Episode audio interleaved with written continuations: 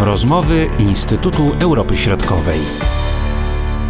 Zgodnie z przewidywaniami lewica wygrała wybory w Norwegii. Co prawda liczenie głosów jeszcze trwa, ale nie powinno już dojść do większych zmian. Frekwencja wyborcza wyniosła ponad 76% i jest jedną z niższych w historii norweskich wyborów. Po głosowaniu pojawia się wiele pytań dotyczących m.in. ostatecznego kształtu nowej koalicji i polityki energetycznej, zauważa starszy analityk zespołu Bałtyckiego Instytutu Europy Środkowej dr Damian Szacawa. Jeśli chodzi o te przewidywania, które były przed wyborami, sondaże przedwyborcze, to z jednej strony one potwierdziły to, co się stało faktem. Centroprawicowa koalicja, która rządziła od 8 lat e, w Norwegii, no właśnie straciła władzę. Znaczy w zasadzie ona jeszcze jest, ale, ale już wiemy, że nowym, e, mini, nowym premierem e, będzie ktoś inny niż, niż, niż, pani premier Erna Sulberg. A więc lewica faktycznie przejęła władzę, w rzeczywistości przejęła władzę. To, co może zaskakiwać z kolei i to,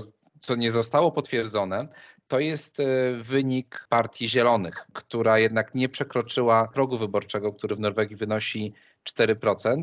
I ten przekroczenie tego mandatu e, daje partiom, które go przekroczyły, e, szansę na tak zwane mandaty wyrównawcze. Liczone głosy są w dalszym ciągu, ponieważ w Norwegii te głosy są liczone trzykrotnie na różnych, na różnych szczeblach. W tym momencie trwa to trzecie liczenie. E, i okazuje się, że mm, Partii Zielonym zabraknie prawdopodobnie około 1700 głosów e, do tego, żeby przekroczyć tą barierę 4%, e, 4%. A co za tym idzie, Zieloni otrzymają trzy mandaty, a nie 7 albo, albo 8, tak jak to było przewidywane w sondażach. Czy ta koalicja, która zawiąże się po tych wyborach, czyli ona, ona będzie silniejsza od tej rządzącej do tej pory, czy można powiedzieć, będzie taką bardzo delikatną koalicją? I to też zależy od tego, jak na to patrzymy, bo jeżeli patrzymy pod względem e, liczby mandatów w parlamencie, to najbardziej prawdopodobna koalicja, która jest określana, została nazwana przez lidera Partii Pracy Socjaldemokratów e, Jonasa Gare Store, czyli koalicja mm, Partii Pracy, e, Partii Centrum i Socjalistycznej Partii Lewicy, e, ona ma 89 mandatów, a więc cztery więcej niż jest wymagane do tego, żeby posiadać większość w 169-osobowym parlamencie. Więc pod tym względem ta koalicja na pewno ma przewagę nad dotychczasowym rządem, który był rządem mniejszościowym po tym, jak w styczniu 2020 roku e, opuściła go e, Partia Postępu, tą koalicję obecnie rządzącą. Natomiast jeśli chodzi o kwestie programowe, no to to już takie oczywiste nie jest, dlatego że koalicja trzech partii jest jest tak jakby marzeniem lidera socjaldemokratów, czyli tej największej partii. Natomiast ona już nie jest e, marzeniem e, lidera partii Centrum, bo partia Centrum w dalszym ciągu stoi na stanowisku, że dla niej najlepszym rozwiązaniem byłaby rząd składający się z dwóch partii, a więc e, partii pracy i Partii Centrum. Byłby to rząd mniejszościowy. E, dlaczego? No, dlatego, że e, Partia Centrum ma jednak odmienne poglądy w kwestii chociażby klimatu, przyszłej polityki klimatycznej, polityki energetycznej niż e, socjalistyczna partia lewicy. Około 30% polityków, którzy do tej pory zasiadali w parlamencie, oni się w tym parlamencie norweskim nie znaleźli. Czy można mówić o jakiejś zmianie pokoleniowej, czy, czy, czy, niekoniecznie? To jest dobre określenie i w zasadzie dobre pytanie, dlatego że faktycznie wiele osób z obecnego składu parlamentu norweskiego e, nie startowało w wyborach. E, oni, w, oni generalnie albo pokończyli swoje kariery polityczne i przechodzą na emeryturę, ponieważ są w, w, takim, w takim, a nie w innym wieku, albo generalnie wracają do, do, do biznesów rodzinnych. To jest, to jest pierwsza rzecz. E, zmiana pokoleniowa jest niewątpliwie faktem, e, dlatego że e, mamy bardzo duże poparcie wśród, dla, dla partii czerwonych, rekordowe poparcie. 4,7% to jest rekordowe poparcie dla tej skrajnie lewicowej partii, która no, wprowadza młodych, przedstawicieli młodych. Młodzi rosną siłę również w mm, partii E, pracy. E, socjaldemokraci, jeśli dobrze pamiętam, wprowadzą najwięcej nowych twarzy do parlamentu. Krótko mówiąc, będzie to bardzo duża zmiana. Czy na lepsze, czy na gorsze, no to poznamy po owocach. Na razie, na razie za wcześnie, aby to określić. Partie lewicowe na ogół no jednak są mocno skoncentrowane na e, tej zielonej polityce, ochronie środowiska, szeroko pojętej oczywiście. Jeden z kolejnych tych elementów, o których myślę, że warto porozmawiać, to ta polityka energetyczna państwa norweskiego. Przecież Norwegia y, ma bardzo poważne zasoby gazu, no a to troszeczkę jest w sprzeczności właśnie z tą polityką zieloną, nazwijmy ją. No i czy tutaj może się pojawić jakaś zmiana? Kolejne dobre pytanie, bo ono myślę e, odzwierciedla dylemat, e, przed którym stoi generalnie e, lewica w państwach nordyckich, w tym lewica w Norwegii. Dlatego, że patrząc tak historycznie, Partia Pracy wyrosła na związkach zawodowych które są najsilniejsze w branży wydobywczej, i w bran- czyli w sektorze energetycznym, krótko mówiąc. Wiemy bardzo dobrze, jakie znaczenie ma ten sektor, jeśli chodzi o e, gospodarkę Norwegii, jeśli chodzi o, również o innowacyjność. I to nawet nie chodzi o sam, e, same dochody z eksportu, ale to jest również e, środki, które są przekazywane chociażby do tego funduszu norweskiego. To są również szereg firm, które jest powiązanych z sektorem wydobywczym, z sektorem energetycznym.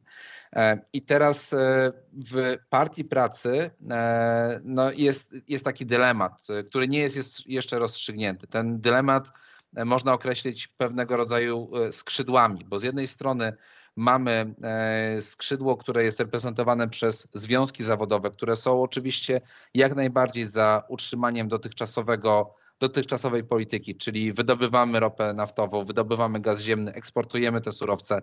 W ten sposób mamy podstawy do chociażby do polityki socjalnej w, w naszym państwie, a z drugiej strony mamy, no idzie nowe, więc mamy młodzieżówkę, która e, skłania się coraz bardziej ku temu, aby Norwegia e, zadeklarowała, że odejdzie szybciej od e, wydobycia i przetwarzania węglowodorów, czyli że będzie realizowała tą zieloną politykę. I myślę, że dobrym podsumowaniem tego, tych, tych takich oczekiwań, które są, jest również reakcja środowiska międzynarodowego, bo wiemy, że polityka energetyczna Norwegii jest krytykowana przez e, różnego rodzaju organizacje e, pozarządowe, między, międzynarodowe, również te, które e, zajmują się przeciwdziałaniem, walką ze zmianami klimatu. Ale jeżeli sobie popatrzymy na przykład na tytuły, które pojawiły się w Danii, no to zobaczymy, że jest bardzo duża bardzo duże oczekiwanie, że Norwegia zmieni swoją politykę, no bo jeśli Norwegia, jeśli bogata Norwegia, dysponująca olbrzymim majątkiem, jeśli chodzi o, o fundusz e, norweski, jeśli ona nie będzie w stanie zmienić tej polityki, no to dlaczego mamy oczekiwać, że tą politykę klimatyczną zmienią e, inne państwa, które wydobywają e, surowce energetyczne, jak Rosja, czy też państwa z Zatoki Perskiej?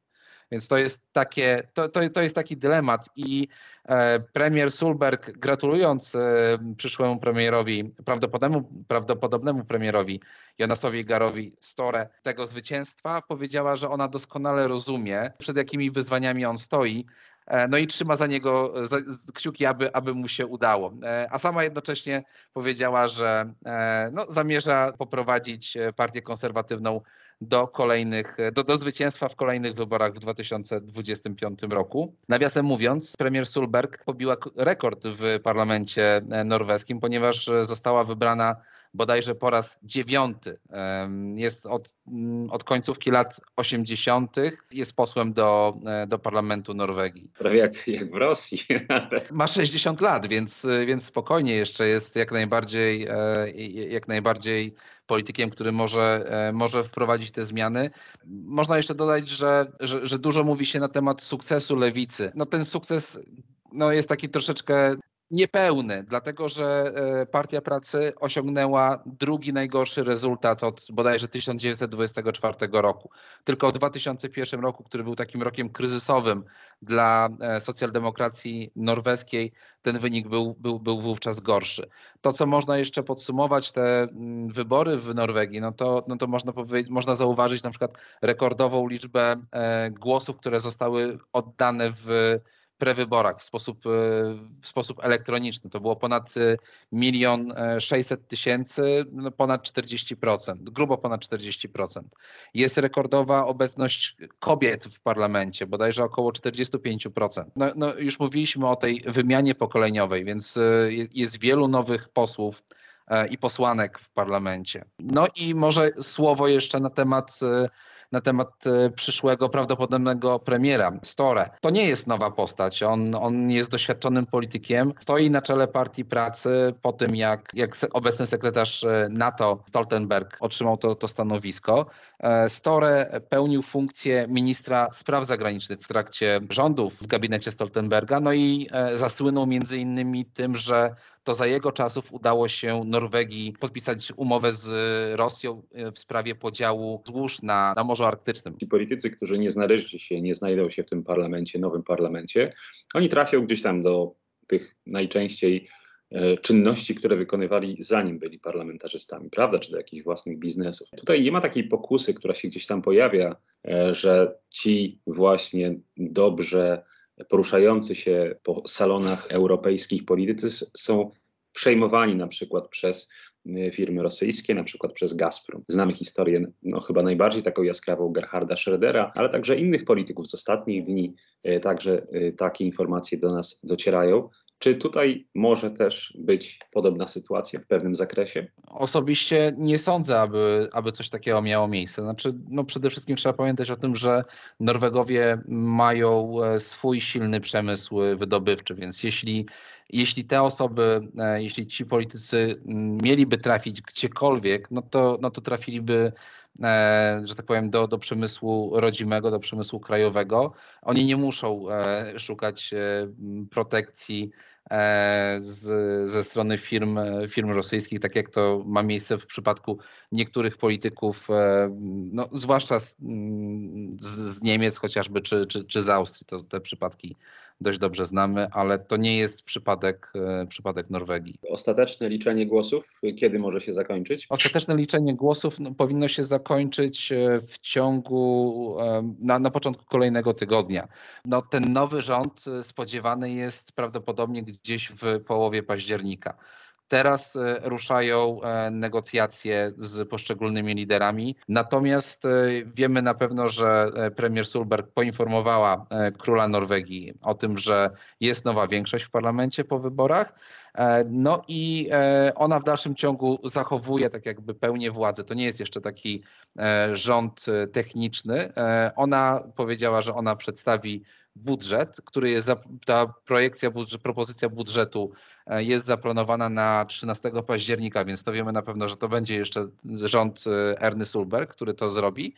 E, no i, no i wtedy być może zostanie ogłoszona mm, nowa, no, nowa koalicja, zostanie ogłoszony nowy premier i nowy skład, więc 15-17 października to jest taki, taki moment, kiedy być może ten nowy rząd będzie już e, funkcjonował. To, co jest pewnego rodzaju standardem, to jest to, że premier Sulberg powiedziała, że ona nie będzie podejmowała w tym momencie już żadnych wiążących dla Norwegii decyzji e, w środowisku międzynarodowym. E, po to, żeby tutaj za, no, dać przyszłym rządzącym pełną, tak jakby, no, no, pełną szansę na to, żeby realizować politykę zagraniczną, politykę bezpieczeństwa zgodnie z interesami Norwegii. Mówił dr Damian Szacawa. Marcin Superczyński. Do usłyszenia.